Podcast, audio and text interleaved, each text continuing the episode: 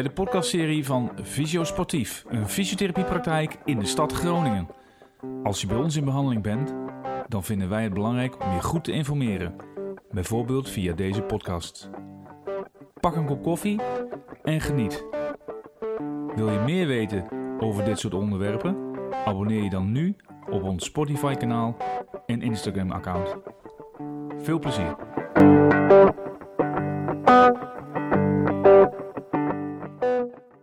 Welkom bij de podcastserie van Visie Sportief Café. De volgende podcast is er een uit de serie In Blessuretijd.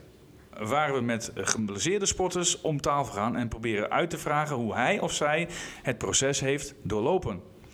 Het idee van deze podcastserie is om jou als patiënt, lotgenoot of partner te informeren over dit soort lange revalidatietrajecten. Onze gast van deze podcast is niemand minder dan pro-tennisser Niels Fisker. Niels is in oktober 2021 geblesseerd geraakt aan zijn rechter schouder. Tevens zijn voorkeursarm. Maar ja, ik heb hem zien spelen. Hij speelt even goed links als rechts. Dus daar maakt dan niet zo heel veel uit. Ehm, hij is op 29 eh, december, mooie datum trouwens, 21 geopereerd door niemand minder dan echt een schoudergoeroe, Henk van der Hoeven van de Bergman Clinics in Naarden. Mijn naam is Leon Meijer, ik ben sportfysiotherapeut en ik werk bij Fysiosportief. En tegenover mij zit hij, Niels Fisker. Niels, welkom. Dag Leon, leuk om hier uh, te zijn. Kun je je kort voorstellen? Ja, ik ben dus uh, Niels Fisker. Ik ben uh, 21 jaar en ik woon in Lage Land. we wonen nog vlak bij elkaar vroeger, maar ik ben dus verhuisd naar Lage Land. Ik woonde oorspronkelijk in Schildwolde. Hey, en wat is de reden dat je, dat je hier zit, Niels? Ja, dat, uh, ik heb een flinke schouderblessure gehad. En een, een operatie inderdaad, zoals je zei. En bij jou gerevalideerd. Ja, nou, we zitten hier uh, op de Vechtstraat en helaas niet op het heilige glas van, gras van Wimbledon. Nee. dat heeft ermee te maken dat jij heel goed kunt tennissen, maar nog niet op dat niveau zit. Maar dat duurt niet lang meer, want we zijn weer op de goede weg volgens mij. Kun je ons eens meenemen naar ehm, oktober 2021 tijdens jouw blessure? Wat, wat is er bij je gevallen? Is, is er wat gebeurd?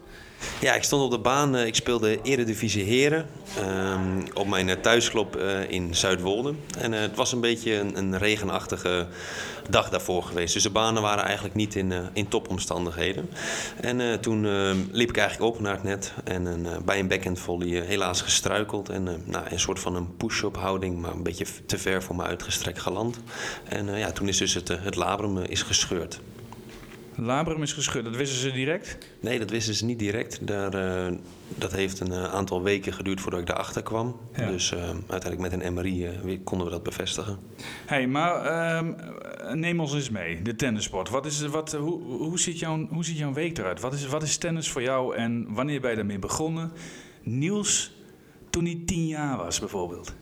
Ja, ik ben ermee begonnen eigenlijk omdat mijn vader, uh, die is eigenlijk tennistrainer. En uh, nou, zo liep ik als kleins al op uh, veel tennisparken rond. En nou, op een gegeven moment wil je natuurlijk zelf ook dat racket oppakken. En dat heb ik ook gedaan. En steeds fanatieker en steeds meer gaan trainen. En op een gegeven moment ook besloten om veel wedstrijden en toernooien te gaan spelen. Om zo hoog mogelijk op de, op de wereldranking te komen. Maar toen je tien jaar, tien jaar, was, toen dacht je daar niet aan. Dus jij, wat is jouw gave in tennis dan? Want je komt niet zomaar in, in, op een wereldranglijst te staan. Nee, nee, zeker niet. Ja, dat was ook nog niet in het begin het doel. Het was in het begin gewoon, uh, ja, ging je een beetje de provincie rond voor, uh, voor de toernooitjes. En uh, nou, je ziet wel een progressie en nou, je wil natuurlijk gewoon zo goed mogelijk worden. Maar ik keek ik zeker al wel op tv. Dus ik wou dat ook al wel. Ik wou echt op tv spelen en naar alle Grand Slams toen ik al nou, ja, 7, 8 was inderdaad. Dus dat was al wel, wel redelijk snel. En hoeveel, als ik dan toen, toen je 7, 8 was, 19 jaar, 11, weet ik veel wat. Hoeveel uurtjes trainde je toen al in de week? Wanneer, wanneer wordt het echt serieus dat je denkt dat je bijna dat je gewoon geen partij meer wil missen, geen, geen, geen training meer wil missen. Misschien moet je wel twee keer trainen op een dag, weet ik. Ja, uh, nou toen ik eigenlijk een beetje nou, 7, 8 was, toen uh, mocht 7, 8 jaar jong? Ja, zeker. En toen mocht ik uh, meedoen bij de instroomtraining van de bond. toen had ik dus twee keer in de week training. Uh, nou, dat was twee uurtjes lang al. En uh, daarnaast nog uh, conditietraining. Dus dat was dan een beetje co coördinatie, voetenwerk. Misschien dan wat, wat kleine krachtdingen. En daarnaast trainde ik gewoon met mijn vader. Dus dan had je al wel dat je eigenlijk elke dag bijna al tenniste vanaf die leeftijd. En dan in het weekend vaak vrij. Dus ik denk ongeveer dat het ongeveer op vier, vijf dagen in de week uitkwam met meerdere uren per week toen op die leeftijd al. En dat gaat natuurlijk naar steeds meer. Ja. Zoals je dus nu kijkt, is dat eigenlijk ook um, vier uur rekkertraining en nog een uur fysiek op een dag. En dat dan vijf, zes keer in de week wel. Dat is, dat is nu ook zo? Ja, dat is nu het geval. Vier uur rekkentraining. Ja, en dan nog fysiek uh, daarnaast. En fysiek is een stukje kracht en een stukje conditie en een stukje loopwerk. Ja, dat is eigenlijk uh, van alles. Ja. Als tennisser gewoon moet je natuurlijk uh, allround zijn. Dus op alle vlakken wordt ook, dat wordt echt wel getraind. En arbeid-rustverhouding, daar denken jullie ook heel goed om natuurlijk. Ja, zeker. Er dat heeft Ramon natuurlijk goed in de peiling. Precies, ja. Nee, daar zit ook altijd een dag rust bij in de week. Eigenlijk dat je eigenlijk wat, misschien wat meer richting yoga doet of het lichaam verzorgen door middel van rollen, massage, gun, dat soort dingen eigenlijk. Nu de hamvraag, want ik dan denk ik van ja, er zit hier een. Eh, ik heb je natuurlijk eerder gezien eens een keer bij ons, maar toen was jij, toen was je voor mij 7, 8 jaar. Zo oogde je. Dat was niet zo, maar bewijs van. Maar wat maakt het nou dat jij, Niels, zo goed bent? Wat is nou het verschil tussen jou en de andere tennissers hier in het noorden? En dan declasseer ik vast ook enkele mensen, maar dit, eh, die, die, de, de, de top is echt heel dun, hè? Wat, wat is, is dat is dat de tennistrainer die je hebt? Dat, kan ik me bijna niet voorstellen. Dat is je vader volgens mij. Of is dat iets intenser zo van jou dat, je, dat, dat jij een bepaalde gave hebt? Dat, nou ja, dat begint in ieder geval. Bij mij begon het met ontzettend veel plezier hebben in het spelletje eigenlijk. En uh, nou, echt genieten van wedstrijden en, en toernooien spelen. Uh, ja, daar begon het eigenlijk voor mij mee. En uh, nou, het is ook een bepaalde discipline en wilskracht die er ook wel eh, bij komt kijken van mijn kant. Iets wat ik gewoon heel graag wil al je hele leven. Dat, dat ga ik niet zomaar opgeven. Maar misschien op een gegeven moment anderen kiezen voor een, eh, een studie en eh, het studentenleven ingaan. ja, daar kies ik voor wat anders. Dus na mijn middelbare school wist ik wel wat ik, dat ik in ieder geval volle bak ging tennis in plaats van een studie. Op de school worden de punten gehaald, maar ja, zeker. ranglijstpunten moeten hebben. Ja, zeker. Ik moest gewoon netjes mijn diploma afmaken hoor. Goed zo, goede opvoeding. Ja, zeker. Maar uh, nee, nu uh, gelukkig niet meer in de boeken. Hey, even terug op het veld, op dat, uh, op dat tennisveld. Jij valt en, en hoe, hoe gaat zo'n terecht in, in, elkaar? Want je hebt dan pijn aan je schouder, je stopt die wedstrijd, denk ik. Of misschien maak je hem al af en dan ma uh, Ja, ik was, hem, ik was hem gestopt. Ik merkte, ik, stond op, ik liep naar mijn bankje. Want ik zat, ik zat helemaal onder het gravel eigenlijk. Dus ik wou gewoon even mijn handen schoonmaken. En uh, nou, toen op een bankje dacht ik, hé, hey, ik kan mijn rechterarm niet meer optillen. Het is niet goed. Nou, dat heb ik nog heel even geprobeerd. Want je speelt voor een club en je wil niet zomaar ja, eigenlijk opgegeven... Uh, het was ook nog de, de, finale dag eigenlijk. we konden kampioen worden, uiteindelijk gelukkig ook nog geworden. Um, maar eh, toen voelde ik al, ja, dit, eh, dit zit niet goed. En nou, toen snel, gelukkig hebben we een fysio bij ons team. Nou, even gekeken, een beetje laten behandelen. Nou, kan in zo'n acute fase vrij weinig doen, uh, zei hij. Nou, toen nog een warme douche genomen. En toen dacht ik, ach, nou, dit voelt al wel weer een stukje beter. Maar toen op een gegeven moment een pijn. Ik kon niet eens met mijn hand laten hangen. Dat was diezelfde dag? Of was dat dezelfde dag? En toen heb ik een trainingsbroekje uh, om mijn nek geknoopt. En een soort van, ja, dat je hem zo kan laten rusten in je arm. achter iets. Ja, precies. Dus daar heb ik de hele, hele dag mee gelopen daar. Want ja, mijn team speelde nog gewoon verder. En nou, ik denk, nou, dit kan nog wel eens even duren. Nou, toen bij een fysio helaas erachter gekomen dat het... of nou, toen, toen werd erachter gekomen van, nou, dit kan wel weer. Je speelt volgende week wel weer. En dat, ja. dat ging nog een paar weken verder. Even voor de beeldvorming. Wij als fysio's kunnen niet... We kunnen wel heel veel schoudertestjes doen... Maar we kunnen niet altijd in de schouder Nee, nee dat, dus dat, is ook uh, ontzettend moeilijk natuurlijk. En uh, nou, uiteindelijk uh, toch mijn onderbuikgevoel gevolgd van... nou, zit hier toch niet iets goed, ik wil toch graag een MRI. Ja. En toen nou, uiteindelijk toch erachter gekomen dat, ja, dat de boel echt wel kapot was. Maar, maar voor mijn, de mensen die dit luisteren... ja, jij zegt ik wil een MRI, maar zo werkt het natuurlijk, de zo werkt het niet. Nee. Hoe is dat bij jou gegaan? Want Jij zit ook bij uh, een van de hotshots. Zo simpel is het gewoon, dat weet Henk ook. Is gewoon een super goede operateur. Maar hoe, kom je, hoe kwam jij daar dan? Uh, ja, ik, dat was toen ook natuurlijk in coronatijd. Dus het ziekenhuis was echt wel, eh, wel redelijk vol. Ik liep eerst bij uh, uh, Sietsma in, ja, Maurits, ja. in, het, in het Martini ziekenhuis. En ja, die had zelf alle tijd van de wereld. Maar er was gewoon geen ruimte vanwege coronapatiënten. Ja. Nou, en daar ga je zoeken. En nou, uiteindelijk op de naam Henk van de Hoeven gekomen met, met hulp van mijn team. Dus uh, ja, en, nou, goede verhalen daarover gehoord. En uh, nou, dat was eigenlijk echt super hoe ik daar terecht kwam. Uh, nou, was, was snel plek. Ja. die hebben natuurlijk geen coronapatiënten op de afdeling liggen. en nou, toen eigenlijk voor mijn gevoel, toen ik daar contact mee had gezocht, lag ik eigenlijk binnen twee weken al onder het mes. En dan die vraag, hè, want ik, ik ken Henk en Henk zal nooit zeggen van je moet geopereerd worden. Nee. Uiteindelijk zeg je dat zelf. Wie heeft, hoe maak je zo'n afweging dat je zegt van ja, want Henk die gaat een plaatje bekijken van Emery, die onderzoekt jou, die kijkt jou diep in de ogen aan en die, die, die geeft een bepaald advies. Ja, ja ik zat toen. En daar ga je mee naar huis toe. En dan aan de keukentafel in het lage land. Ja, was... Of zoiets, denk ik, of niet? Ik was toen in het Omnium uh, bij Corpus en Hoorn. Toen uh, zag ik van, nou, de boel is stuk. En toen had uh, de sportarts De Bruin tegen mij gezegd van... Ehm, dit is een optie om zeg maar, te opereren. Of je kijkt of het gaat genezen. En heel toevallig heb ik een trainingsmaatje... die heeft voor de manier genezen gekozen. Gewoon natuurlijk... Conservatief beleid. Ja, precies. afblijven. Ja, en nou, die is nu na dus nu, die is nu drie jaar verder, maar die begint nu weer een beetje op, uh, op het niveau uh, te komen waar die zat. Um, maar ja, ik heb het toen ook wel vlak voor uh, de MRI ook wel geprobeerd op de baan al. En ik voelde van, nou, dit, uh, dit gaat nog wel even duren. Misschien is opereren toch wel de snelste en de beste optie. Nou, vaak hoor je dan verhalen met opereren dat je veel bewegelijkheid verliest. Maar nou, gelukkig zeiden de mensen om me heen in ieder geval ook van, dat kan je ook hartstikke goed trainen. En als je de juiste mensen om je heen hebt, dan kan je gewoon sterker uit zo'n proces komen. Dus ja, toen met mijn vader ook overlegd en eigenlijk gewoon de mensen om me heen. en toen gewoon eigenlijk al wel vrij snel ervoor gekozen van, we moeten toch opereren. Kon dat snel? Ja, het opereren zelf. Ja? Ja, ik lag volgens mij echt uh, heel snel onder het mes. Ja. ja. En uh, ja, dat was wel, wel prettig.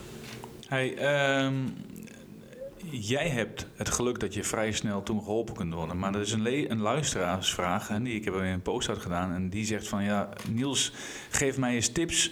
Hoe kom je je tijd door, als je wel even moet wachten, voor de operatie? Ja, dat is ook wel een hele goede dat je dat vraagt. Want ik heb toen met mijn. Uh, ik wist dat ik ging, geopereerd ging worden. En eigenlijk heb ik in die weken dat ik ook nog niet wist dat ik geopereerd moest worden, ook niet stilgezeten. Want ik voelde we moeten gewoon die schouder zo sterk mogelijk maken. En uh, nou, ik heb wel een uh, serieus krachtprogramma afgewerkt om zo fit mogelijk eigenlijk een operatie in te gaan. Want er werd mij ook verteld, ja, dan kom je ook sterk uit zo'n operatie. En dan ben je eigenlijk alweer eerder op de goede weg. Dus ja, eigenlijk voor de operatie gewoon hard doorgetraind. Zelfs nog de dag voor de operatie gewoon een mooi schema af gewerkt. zodat je je energie ook kwijt. Precies, ja, dat ook. Ja, en ik ben ook niet echt van het, uh, van het stilzitten. Stil Dus uh, ik wil ook een beetje bezig blijven. Hey, en, dan, en dan een andere, uh, die, die, de keuze voor de operateur. Dat is altijd een hele lastige. Hè? Want het liefst doe je zo, die snelst plek hebben. Daar wil je eigenlijk heen. Ja. dat is niet altijd de verstandigste keuze. Nee. Hoe, ehm, jij hebt je, zoals ik je verhaal begrijp, ook laten leiden door Maurits Sietsma. Die kennen we natuurlijk ook goed. Super orthopeed als het gaat om schouders. Nou, in dit geval kon hij niet omdat hij geen elkaar ruimte had vanwege corona. Mm. En die kent natuurlijk Henk van der Hoef ook weer. is, dat ook een, ja, is dat een beetje zoals het gegaan is? Dat, ze, dat je door professionals ook gestuurd wordt richting... Ja, zeker. Ja, die, die noemde zijn naam eigenlijk al. En die had uh, eigenlijk al dezelfde, toen ik de, de afspraak had bij Sietsma, had hij een uh, mailtje er al uitgedaan van of daar eventueel de ruimte was om daar geopereerd te worden. Ja. Dus dat ging eigenlijk heel mooi, werd je eigenlijk zo doorverwezen. Dus dat was wel heel super. En nou, ik zag in ieder geval, uh, ik hoorde goede verhalen over, over Henk van der Hoeven. Dus uh, dat kon eigenlijk niet verkeerd gaan. Nou, mooi nieuws. die, dan heb je met elkaar besloten om te gaan opereren. Nou, en ehm, ja, dan ga je daarheen. Fitte baas. En dan? Dan kom je gewond het ziekenhuis uit. Hoe is dat gegaan? Hoe is, hoe, neem je ons mee in, in, in één minuut tijd door die operatie heen? Dan kom, je parkeert de auto, je stapt binnen. Henk wacht je op. Met zijn groene, groene pakje aan, mutsje op. Ja, ja, ik kwam daar binnen en eigenlijk, nou, het is natuurlijk een privékliniek, dus daar hebben ze misschien iets meer, uh, iets meer ruimte en mogelijkheid voor echte, de echte service, zeg maar. Dus ik had een eigen kamer helemaal met, uh, met badkamer en een uh, groot bed, helemaal voor mezelf. Dus dat, dat was wel, dan ga je toch wel prettig zo'n operatie in. Aan luxe geen probleem? Aan luxe geen probleem, inderdaad. Nou, en ja, zelf, ja, toch wel een beetje zenuwachtig natuurlijk. Niet per se voor de operatie zelf, maar meer gewoon of het goed gaat natuurlijk. Want ja, er zit natuurlijk altijd een risico aan een operatie. En als het fout gaat, ja, dan uh, is het misschien wel de laatste bal. Uh, was het een tijdje geleden dan uh, geweest voor mij. Um, en wat ook wel echt hielp was dat het volledig onder, onder narcose was. Dat, nou, dat is volgens mij verplicht bij dit soort... dat is gewoon, ging lekker slapen. Ja, precies. Ik, nou, ik kwam aan in, die, in de OK en ja, nou, dat, dat armpje moest in een soort van eh, lusje omhoog gehangen worden. Nou, en, eh, nou, toen werd ik wakker. Eigenlijk, het ging Ja, heel snel. En, eh, ja. Hey, en dan heb je verschillende soorten orka's gehad. Eh, niet, niet jij, maar die, die heb je gewoon. Je hebt een open, dus dat is het opensnijden, een soort Latarjet-procedure. Wat voor een heb jij gehad? Ik heb eh, kijkoperatie gehad. En waarom hebben ze daarvoor gekozen? Weet je niet. Dat weet ik Dat is aan de operateur. Ja. Nou, blijkbaar kon hij daar in dat kleine gaatje maken. En, en dat is het, denk ik. Hey, en dan word je wakker. En dan lig je op je kamer. En dan? Dan moet je wachten, denk ik, of niet, tot die dokter komt, Henk? Ja, ik was, ik was wel goed aan het slapen inderdaad. Weet ik nog, het du- duurde wel eventjes voordat ik echt helemaal weer wakker word. Maar dan was eigenlijk wel de eerste vraag, eh, is die operatie goed gegaan? En eh, gelukkig was er iemand op de, de uitslaapkamer die meteen een duimpje omhoog stak. Dus toen eh, ben ik weer verder gaan, een beetje wakker gaan worden. Ja. Maar dat was wel een, een heel prettig gevoel dat die operatie dan goed is gegaan. Er, was, er speelde zich ook een leuk stukje af, of niet, op die kamer toe? Van, want je broer was ook mee, of niet? Ja. Broertje, moet ik zeggen, of niet? Ja, nee. Hoe ging dat? Dat ja, ik was eigenlijk. eh, nou, volgens mij stonden we gewoon binnen eh, drie kwartier stonden we weer buiten. En eh, Henk van de Hoeven was ook even verrast dat ik al in mijn jas op de stoel zat te wachten. Dus die zag me aan. heb je je broertje ook meegenomen? Waar is Niels? vroeg hij. Maar hij, had echt wel, hij had echt wel Niels voor zich. Jeetje, jongen. Ja, better in is better out. Maar dit is wel heel snel. Hey, en ehm, wanneer moet je na zo'n operatie... Dus je hebt een schouderstabilisatie gehad. Wanneer moet je dan melden bij de, bij de fysio? Wanneer, wanneer, hoe hebben we dat gedaan toen? Als ik me goed kan herinneren, zat ik volgens mij eh, dezelfde week zat ik er nog. In ieder geval binnen, binnen vier, vijf dagen ging jij eh, kijken hoe, eh, hoe bewegelijk die was eigenlijk. Ja. Dus ja, eigenlijk meteen actie ondernomen. Iemand zegt tegen mij... Leon, vraag Niels is hoe hij... eh, de eerste twee, drie weken doorgekomen is naar die OK. Want dat zijn ook altijd een beetje mm, Ja. Nou ja, waar mensen tegenaan eh hikken. En niet, niet, niet, niet voor niets, denk ik. Ja, nee, ik kan me nog herinneren dat ik echt denk de slechtste nacht uit mijn leven heb gehad. Eh, ik kon niet, eh, niet pitten, dus uiteindelijk ben ik om eh, vijf uur s'nachts zonder een oog dicht te doen naar beneden rechtop op de bank gaan slapen. Want ik kon gewoon niet liggen en nou, op een gegeven moment werkt de verdoving uit en dan moet je echt wel aan de morfine. Zo, zo pijnlijk was het wel in ieder geval voor mij. En nou, dat zakte gelukkig eigenlijk binnen een paar dagen wel weg. En toen redelijk snel van de morfine afgegaan eigenlijk. En dan zit je niet meer tellen. Nou moet je sowieso heel voorzichtig zijn met, eh, met dingen. Je wil niet struikelen. En eh, daar heb ik nogal eens eh, de neiging toe, helaas. Maar eh, ja, toen, eh, nou, dat is gelukkig allemaal goed gegaan.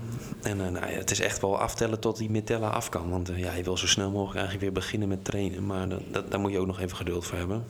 Ik zit even te kijken. We, dag drie na de operatie, eerste afspraak bij de Friese Straatweg. Gebracht door papa. Ja, en veters gestrikt door Leo Meijer. Ja, dat, is, Ja. dat mag je ja, best wel benoemen, ja. Eh, wat mij opviel bij jou, en er zijn kenwoorden die ik al even opgeschreven heb, gelijk aan goede foto's. Eh, go- goede foto's. Johan Bosma zit hier nu foto's te nemen. En ja, dat is eigenlijk een beetje de reden dat eh, ik nu op foto's kom. Maar wat ik eigenlijk bedoel is gelijk al een goede focus. En dat vind ik knap. Ik heb jou eigenlijk daar niet in die hele die revalidatie niet één keer op betrapt dat, het, dat er geen focus lag. Maar goed, daar ga je misschien straks nog wat meer over vertellen. Eh, hoe stond jij in de revalidatie, de eerste drie maanden, waarbij je eigenlijk al wist van... Ik kan wel bewegen, ik kan wel een beetje sporten... Maar het is bij lange na niet dat wat ik gewend ben. Nee, nee, nee. Nee, Ik had eigenlijk, ja, wat je inderdaad al zegt, die focus is eigenlijk altijd het hele proces eigenlijk wel geweest. Ehm, ja, het lastige vond ik inderdaad wel ook om geduldig te zijn. En je wil heel graag natuurlijk, maar ja, ik weet wel wat. eh, had, het is me echt heel duidelijk gemaakt dat het gewoon een lang proces kan en dat het inderdaad nu, ja, nu is het eh, november, dat er nu nog steeds elke dag eigenlijk een progressie in zit. Dus ja, dat is, eh, daar moet je gewoon geduld voor hebben. En het was gewoon lekker afzien met elkaar en dat was eigenlijk wel het doel. Ik zit even te kijken. Mooi van jou vind ik ook dat je eigenlijk nooit niet, niet hard hebt gewerkt. Dus je bent eh, elke keer spot on. En dat doet me echt denken aan. En, en, eh, ik zat daar zaterdag, afgelopen zaterdag, bij Sarel de Jong. Hetzelfde verhaal. Eh, jullie komen ook volgens mij een beetje van hetzelfde landschap af daar. Hè? Ja, precies. Ja. Dus of dat er nou mee te maken heeft of niet, dat weet ik niet. Maar ik vind het echt zo onwijs knap en fascinerend hoe dat gaat. Je komt binnen, spot on, en je gaat weg. En je regelt je eigen zaak op jouw leeftijd. Leon, wanneer doen we dit? Leon, wanneer doen we dat? Hoe gaan we dit even doen? Wanneer kan ik dat? Gewoon regie voeren. Over, ja, over je eigen traject. Ja, ja, toch. Ja, je moet natuurlijk altijd naar de deskundige luisteren. Maar het is natuurlijk zelf ook uh, dat je ook gewoon goed aangeeft wat je zelf voelt en uh, wat je zelf ook denkt te kunnen. Want daar heeft de fysio denk ik zelf ook aan, wat aan. Dus je moet echt wel gewoon, uh, gewoon praten over, over de schouder met elkaar. En dan denk ik dat je tot het beste resultaat komt. Nou, meestal zijn er wel wat dipjes in zo'n trekje van 6 tot 9 maanden. En die zul jij ongetwijfeld ook gehad hebben. Maar in de trainingen, ik heb ze oprecht niet gezien, Niels. Dus uh, knop om en gaan. Nee, er was één dipje inderdaad. Dat was, uh, nou, die, die, is niet, die hebben wij niet met elkaar meegemaakt. Maar dat was toen je ja, eigenlijk dan alweer denkt van... Nou, ik kan wel weer spelen, zeg maar. En dat je dan je eerste toernooi heel leuk inschrijft. En dat je dan eigenlijk na een setje op je eigen club, zeg maar, alweer voelt van... Ah, het is nog net niet, zeg maar. En dat je dan uiteindelijk ja, zo'n wedstrijd... Naar huis gaat. En ja, en dat je dan wel voelt van, ah, dit is nog net niet. Maar eigenlijk had me dat... Die eerste set had me zo'n goed gevoel gegeven van... God, het kan weer bijna. Ja. Nou gaan we nog even een goed blok vier, vijf weken knallen. En dan uh, kunnen we weer gewoon volle bak zonder aan die schouder te denken, kunnen we gewoon weer spelen. Dus eigenlijk, ja, het is niet echt een dipje. Het was meer even een, een tegenvaller die ik even moest slikken. Maar eigenlijk de dag daarna was de kop alweer uh, op, die, uh, op het volgende gericht. Ja, dat doe je netjes. Iemand vraagt, Niels, hoe blijf jij nou mentaal sterk in die revalidatie? Ja, jij, jij, dat is niet altijd even makkelijk natuurlijk. Maar ja, het is gewoon als je zo duidelijk een doel hebt, dan, dan, dan, kost het eigenlijk niet eens voor mij moeite om, om sterk te blijven. Want ik wil gewoon iets hartstikke graag. Dus daar ga ik gewoon voor dan. Nou, je hebt allemaal goede mensen om je heen. Je pa die uh, precies weet uh, hoe belastbaar je bent. Ramon, ja. niet te vergeten, fysieke trainer. Zeker. En, uh, en, en, zeker misschien ook wel een beetje manager van deze casus. Hè, want hij ja. houdt alles heel netjes goed bij. Heeft me goed aangestuurd. Ja. Maar hoe je het ook bent of keert, als je dan die revalidatie overgang hebt naar het tennis dat is spannend. Ja. Vond je dat ook of niet? Ja. Ja, goed ook dat jij inderdaad de eerste keer dat we weer begonnen met tennissen, was jij er gelukkig ook bij. Ja. En dat... Sterker nog, ik wilde die, dat racket te hand nemen, maar jouw pa die, uh, die dacht van, ik weet niet... Uh... Nee, nee, mijn pa wou toch zelf even aanspelen. zelf even aanspelen. Dat die bal gewoon uh, spot on kwam, dat we geen ongewachte beweging maakten. nou, we hebben het daarna nog wel even samen geprobeerd, gelukkig. Dus dat was leuk. Ja, dat was 6-0 0 hè? Als je dan, dan, dan ga je, dan ga je die, die, die, die rekken te hand nemen. Hoe heb je dat opgebouwd? Want ik heb jou gehoord praten over oranje ballen. Nou, die kleur is altijd goed. Gele ballen. Is daar nog iets in? Dat je, want je kunt best wel snel tennissen, hè? Ja, dat, dat viel me echt niet tegen. Eigenlijk toen de eerste keer, dat was na drie maanden denk ik ongeveer.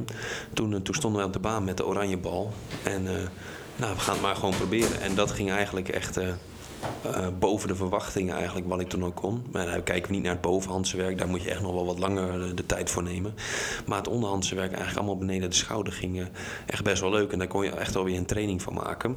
Dus dat was wel een heel lekker gevoel dat dat na drie maanden al, alweer kon met de zachte bal. Ja. Nou heb jij zoveel ervaring Niels en we gaan richting afronding van deze ja, nu al prachtige podcast natuurlijk. Return to play. Uh, er wordt wel aan mij wel eens gevraagd als visio van wanneer, hè, wanneer is nou zo'n revalidatietraject succesvol? Ja, niet na de revalidatie, want ja, ik wil gewoon jou weer zien in die top 1000. Ja. Wanneer, wanneer sta je daar? Wat, wat, wat, want dat is een lang, lastig traject, denk ik. Hè? Want je moet ja. weer punten halen. Ja. En alles moet een beetje meezitten. Soms maak je een boswandeling en dan... Hè? Ja, dan valt het weer Zak je door je enkeltje heen of weet ik veel wat. Maar alle gekheid op een stokje, is dat, dat is best wel lastig, of niet? Ja, maar aan de ene kant, ik denk wel dat ik er sterk uit ben gekomen. Ik heb een soort van, uh, er is toch een extra besef of zo gekomen in die maanden van wat ik wil bereiken. En, uh, en ook vooral je denkt nou hoe je dat gaan wil bereiken. Dus wat kan nog beter? Um, ja, daar heb ik wel echt extra, extra goed over nagedacht. Dus na volgend jaar 2023 hopelijk uh, goed fit aan de startblokken. En uh, nou, dan gaan we er goed tegenaan. En dan denk ik zeker dat het mogelijk is uh, om de top 1000 weer snel binnen te komen. En Als, eigenlijk ja. liefst zo snel mogelijk door. Want ik was nog lang niet klaar toen we 900 stonden. Toen ik op mijn bek ging. Nee. Nou, als iemand het kan, volgens mij moet jij dat zijn, Niels. Dus ehm, mijn zegen heb je. Mooi. 2023. Niels, gouden tip voor iemand die vandaag op het plaatje valt, de schouder blesseert, wat zou je diegene primair adviseren? Uh, ja, zorg dat je de, een beetje de juiste mensen om je heen hebt. Dat je samen een, uh, een, doel, een doel stelt. En dat je gewoon eigenlijk naar dat doel toe gaat werken. En, dat is niet altijd even makkelijk. Maar bekijk het van de positieve kant. Als, je, als alles achter de rug is, dan uh, heb je weer wat, een ervaring in je rugzak zitten, rugzak zitten waar je echt wat aan hebt. Hey Niels, dankjewel voor je bijdrage. En laten we hopen dat je in sneltreinvaart weer die top 1000 inserveert. Want ik wil jou nu wel eens zien op het heilige gras van Wimbledon. Ik ook. Niels, dankjewel jongen. Geen probleem, Leon. Jij bedankt.